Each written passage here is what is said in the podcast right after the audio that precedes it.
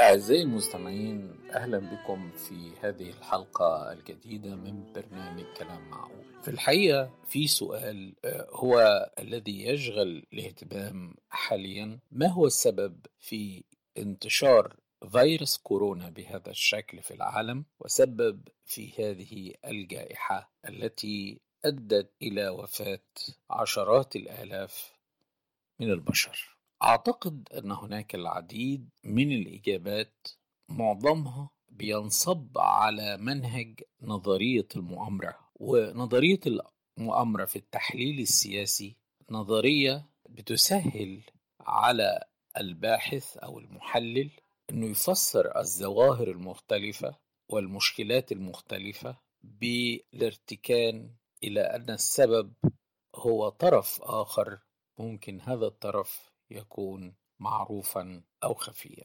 ولهذا إحنا لا نريد أن نتبع نظرية المؤامرة في كلامنا ونحاول أن نتعامل مع الأمور بشكل تدريجي حتى نفهم الصورة كاملة. هناك تفسيرات عديدة لما يحدث الآن على كوكب الأرض.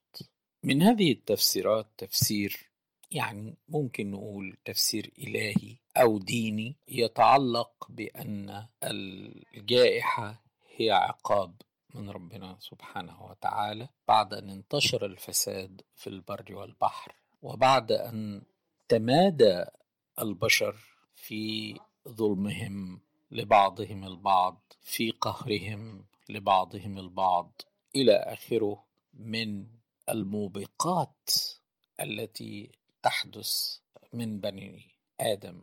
أتصور إن إن هذا التفسير هو تفسير ينقصه تدقيق في علاقة ربنا سبحانه وتعالى بالإنسان. البشر هناك منهم المؤمن وهناك منهم الكافر. هناك منهم الصالح وهناك منهم الفاسد.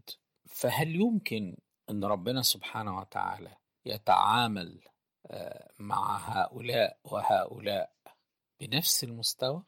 لا ربنا بيتعامل معهم وفق من؟ أسلوب إلهي اسمه القسطاس المستقيم أي أن كل واحد هيأخذ على قدر عمله. ربنا سبحانه وتعالى إذا أراد أن ينهي الحياة على هذا الكوكب الأمر بسيط جدا ستقوم الساعة.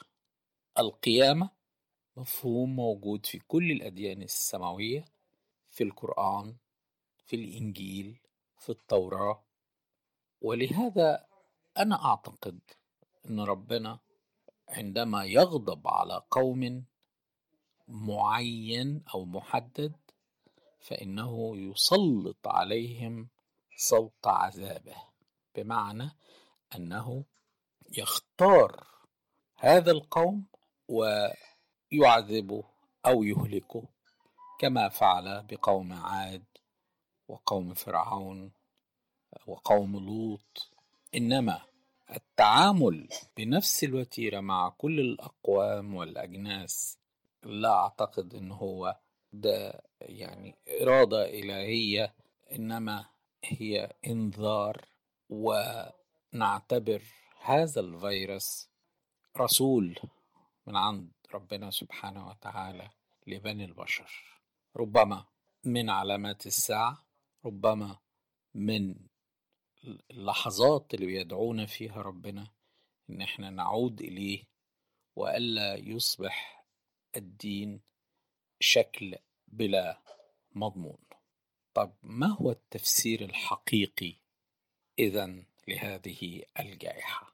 هذا ما سوف نتعرف عليه في الحلقة القادمة إن شاء الله. شكرا لكم وإلى اللقاء.